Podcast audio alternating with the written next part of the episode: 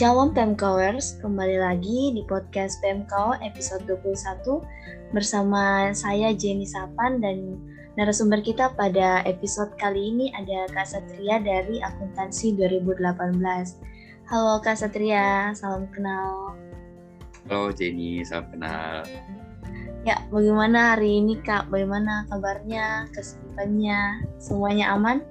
Aman, aman, aman. Ya, terima kasih kepada Kak Satria yang sudah mau menyempatkan waktunya untuk hadir bersama-sama dengan uh, kita di podcast PMKO. Nah, pada episode kali ini kita akan membahas mengenai ISEC in Unhas. Uh, mungkin masih banyak teman-teman PMKOers yang baru pertama mendengar tentang ISEC atau uh, mungkin baru mengetahui bahwa di Unhas sendiri ada organisasi yang bernama ISEC. Nah, yang seperti yang kita ketahui bahwa uh, Kasatria ini adalah salah satu mahasiswa yang tergabung di Isaac in Unhas dan pada episode kali ini bersama-sama dengan Kasatria kita akan membahas mengenai Isaac in Unhas. Mungkin Kasatria bisa memberikan informasi kepada teman-teman pendengar podcast PMKO tentang apa sih Isaac itu dan kegiatan-kegiatan seperti apa aja Kak yang uh, biasa dilakukan di Isaac in Unhas ini. Oke, oke. Uh, shalom buat teman-teman pendengar uh, podcast hari ini.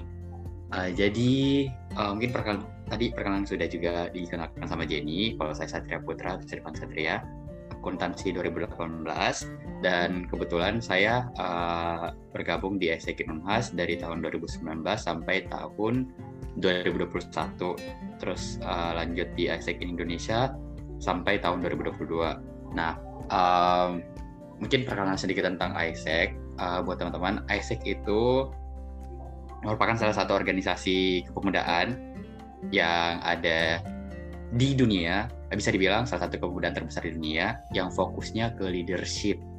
Nah, um, mungkin sharing sedikit buat ke teman-teman uh, alasan kenapa ISEC itu ada atau didirikan. Jadi ISEC itu awalnya didirikan waktu uh, setelah Perang Dunia Kedua. Jadi beberapa uh, pemuda di ada beberapa pemuda dari enam universitas di Eropa itu um, mereka dirikan ISEC karena mau ciptakan perdamaian. Nah, kalau mungkin dulu konteksnya perdamaian yang dimaksud itu uh, bebas dari perang atau world war gitu kan. Tapi kalau sekarang peace atau perdamaian yang dimaksud juga itu sudah termasuk peace within ourselves atau berdamai dengan diri sendiri itu termasuk. Nah, untuk achieve uh, atau untuk capai perdamaian itu di ISEC kita percaya kalau kita mau achieve perdamaian itu atau achieve perdamaian atau better future itu itu solusinya adalah leadership. Itu adalah solusi dasarnya yang kita percaya. Nah, itu uh, bisa dikembangkan di semua orang karena bisa dikembangkan di semua orang especially buat pemuda yang kayak seperti kita. Nah, buat uh, develop leadershipnya pemuda itu itu caranya belajar dari practical experience dan challenging environment atau uh, lingkungan yang challenging lah istilahnya kayak gitu. Nah, sebagai member ISEC, kalau dulu sebagai member ISEC itu cara practical experience sama challenging environment-nya itu kita dulu ambil role, role istilahnya. Nah, ambil role-nya itu mau di departemen operation bisa, terus ada di HR juga atau human resources atau uh, istilahnya HRD bisa juga terus ada juga yang di finance departemennya. Nah kegiatan tiap departemen itu beda-beda. Uh, kalau mungkin sharing sedikit, kalau untuk saya dulu waktu di ISEC itu kebetulan saya masuk di operation. Jadi uh, di operation itu kegiatannya uh, waktu pertama kali role pertama kali waktu di, di ISEC itu saya kebetulan dapatnya project. Jadi saya sama teman-teman saya itu buat project dilaksanakan di tiga daerah di Makassar, Bulukumba sama Mamuju itu bareng sama exchange partisipan dari luar negeri. Jadi ada yang dari Portugal, terus Cina, terus ada juga dari uh, Mesir, ada yang Italia, uh, Switzerland, dan yang lainnya kayak gitu. Iya, seperti yang tadi uh, Kak Satria bilang bahwa ISEC ini uh, merupakan salah satu organisasi terbesar yang ada di dunia dan uh, merupakan organisasi pengembangan pemuda. Nah, untuk menjadi anggota dari organisasi ini, apakah uh, ada persyaratan-persyaratan khusus uh, yang harus kita penuhi misalnya um, untuk join di uh, ISEC ISEC in Unhas ini?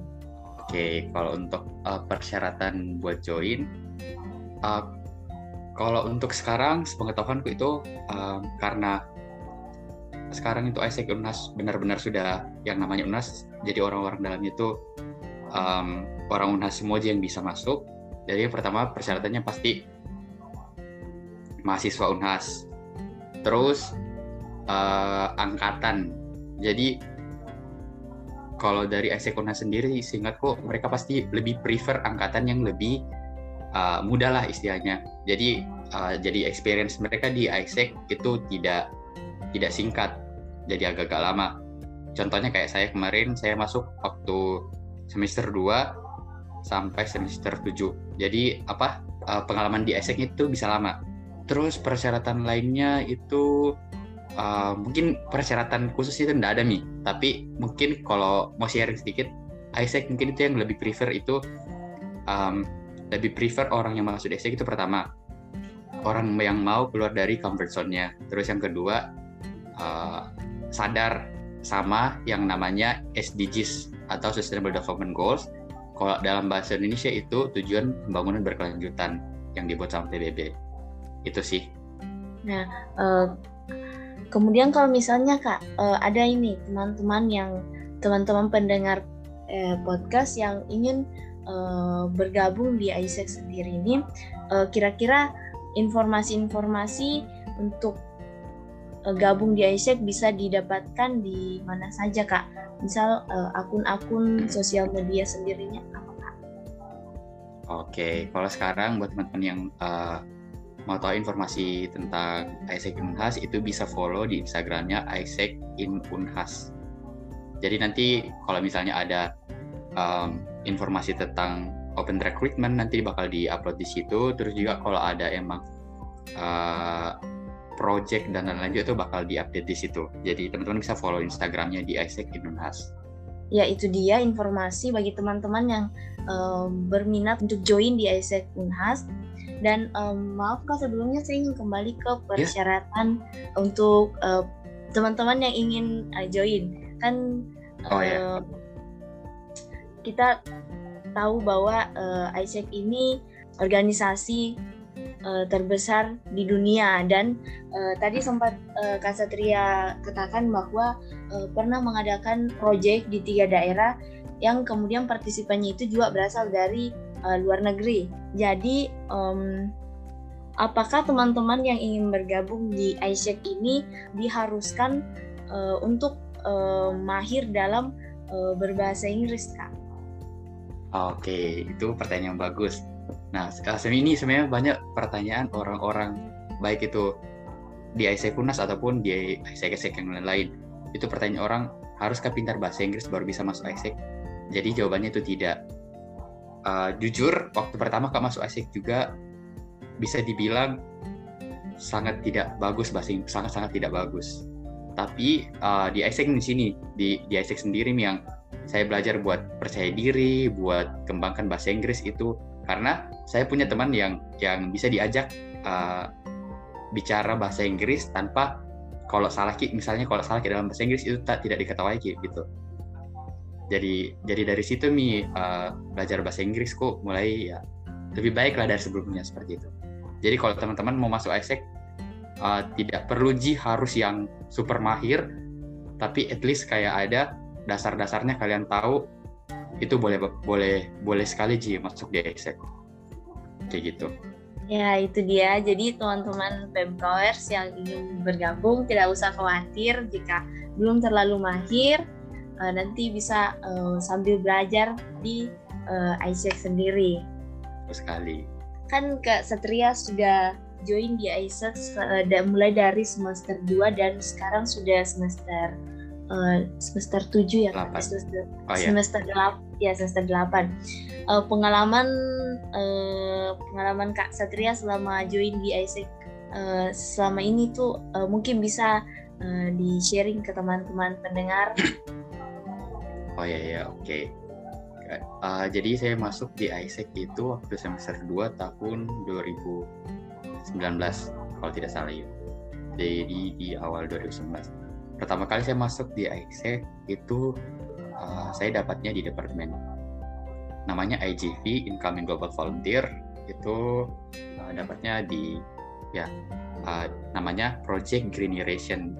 Nah uh, itu project pertamaku yang menurutku sangat-sangat impactful buat journeyku di eh, di ISEC karena kalau bukan uh, journey atau apa kalau bukan di project itu di awal mungkin tidak tahu apa bagaimana mau lanjut di ISEC atau bagaimana.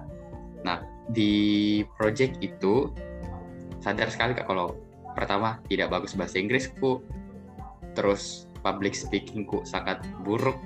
Mungkin ada teman-temanku juga saya anak PMKO namanya Casey. Itu pasti kalau biasanya kalau kumpul angkatan terus saya kalau saya membicara itu pasti selalu kina notice kalau kecil sekali suaraku karena pemalu. Terus nah di project ini juga belajar kak kalau ternyata detailnya itu banyak hal yang belum ku tahu seperti itu. Nah, uh, di project itu um, selama tiga minggu, sorry, selama enam minggu, ya enam minggu, enam minggu jalankan project sama exchange partisipan, terus teman-temanku jadi kayak banyak kak belajar hal juga tentang uh, bagaimana itu kalau orang luar negeri berinteraksi sama kita, terus kayak bagaimana kondisi-kondisi yang ada di sekitar kita seperti itu. Nah, terus setelah masuk di uh, project itu, waktu akhir 2019 saya pindah departemen di tetap jadi operation tapi pindah ke de departemen apa uh, departemen lain namanya OGV itu Global Frontier. Nah di situ sebagai um, marketing staff kak. Nah di situ mah juga belajar uh, untuk public speaking. Jadi karena uh, di OGV itu kebetulan waktu itu itu ada namanya hard selling. Jadi kayak diri kan ki open booth baru langsung tawari langsung ki ini uh, global volunteer ke uh, mahasiswa gitu. Nah setelah itu baru kak lanjut sebagai uh, tim leader dari uh, marketing OGV itu selama setahun. Nah di situ juga belajar banyak hal karena uh, waktu awal-awal masuk COVID 2020 iya betul 2020 itu kayak banyak banyak sekali uh, masalah bukan masalah sistemnya namanya kayak ya challenging gitu. Nah sama tadi konsepnya yang yang dijelaskan kalau di ISEC itu cara kita untuk berkembang itu dari practical experience sama challenging environment. Nah dari challenging environment itu itu yang uh, sangat banyak berimpact ke saya. Uh, contohnya mungkin pertama uh, belajar ke caranya untuk manage orang di dalam timku. Kebetulan waktu itu ada empat orang uh, tim member, terus belajar kak juga hadapi masalah. Khususnya kayak waktu itu kan uh, biasanya orang uh, biasanya di tim itu kalau kita mau ada aktivitas pasti secara offline. Terus tiba-tiba ada covid kita harus belajar buat menyesuaikan diri dan mulai berubah ke online nah itu experience selama setahun setelah setahun itu lanjut kak ke ASEC Indonesia sebagai internal auditor nah ini juga lumayan challenging karena um, pertama kali kak ambil role di bidang akuntansi, especially audit. Nah itu uh, bisa aku karena karena di kampus tidak terlalu baik ke akun uh, audit maksudku. Terus ambil role itu agak-agak jadi agak challenging. Tapi uh, banyak belajar dari situ juga belajar tentang akuntansi, belajar tentang audit, bagaimana caranya komunikasi sama leader-leader tiap entities atau tiap uh, tiap LC kayak gitu. Itu sih experienceku Nah, mungkin kalau kalau bisa aku simpulkan kayak tiga hal yang aku dapat dari uh, sama experienceku itu. Pertama, kesadaran diri jadi lebih kenal ke diriku kalau oh saya orangnya lebih suka ini, saya kelebihannya ini, terus kekurangannya ini. Terus yang kedua itu uh, dari pengembangan skill. Um, mungkin yang paling ku highlight itu uh, skillku di bidang marketing mungkin anak akuntansi kak tapi dari ISEC saya belajar um, dari awal itu kayak oh ternyata marketing itu begini terus sampai sekarang akhirnya juga saya ikut organisasi sekarang namanya Cornerstone Careers itu uh, ambil kerja di bidang marketing. Nah terus yang ketiga itu yang menurutku hal-hal yang sangat penting itu networking. Jadi di ISEC kayak ketemu ke orang-orang yang menurutku sangat um, inspiratif. Jadi menjadi mereka itu yang kayak ku jadikan key role model. Oh ini orang uh, bagus sekali leadershipnya bagus bagus sekali cara public speakingnya. Nah dari situ nih ku jadikan motivasi uh, ku jadikan motivasi untuk sebagai tolak ukurku nanti kalau kalau maka public speakingku bagus uh, ini orang yang harus ku, ku jadikan role model. Nah tapi selain dari itu orang-orang di ESEC juga yang kenal banyak kenalkan kak ke orang-orang yang uh, bisa dibilang orang-orang orang keren lah istilahnya. Jadi kayak di ISEC uh, bisa kenal orang dari uh, luar negeri. Terus bisa kak juga kenal orang dari ISEC ISEC lain. Jadi kayak bisa kenal dari ISEC UI terus ISEC UGM, ASEK Brawijaya, ASEK banyak istilah banyak deh kayak ASEK-ASEK dari yang lain, bahkan dari ASEK yang luar negeri gitu. Jadi itu tadi sih yang aku dapat dari ASEK pengembangan diri, terus pengembangan skill sama networking kayak gitu. Oh, uh, keren sekali pengalamannya Kak Satria dan kan. luar biasa.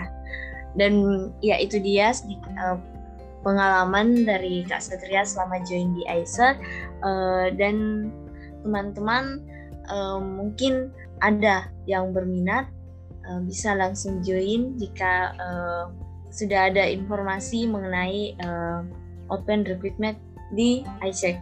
Nah, uh, mungkin dari saya sedikit Kak, mungkin Kak Satria mm -hmm. bisa memberikan uh, pesan ataupun saran bagi teman-teman pendengar uh, podcast PMKers yang ingin bergabung di ISEC Unhaska.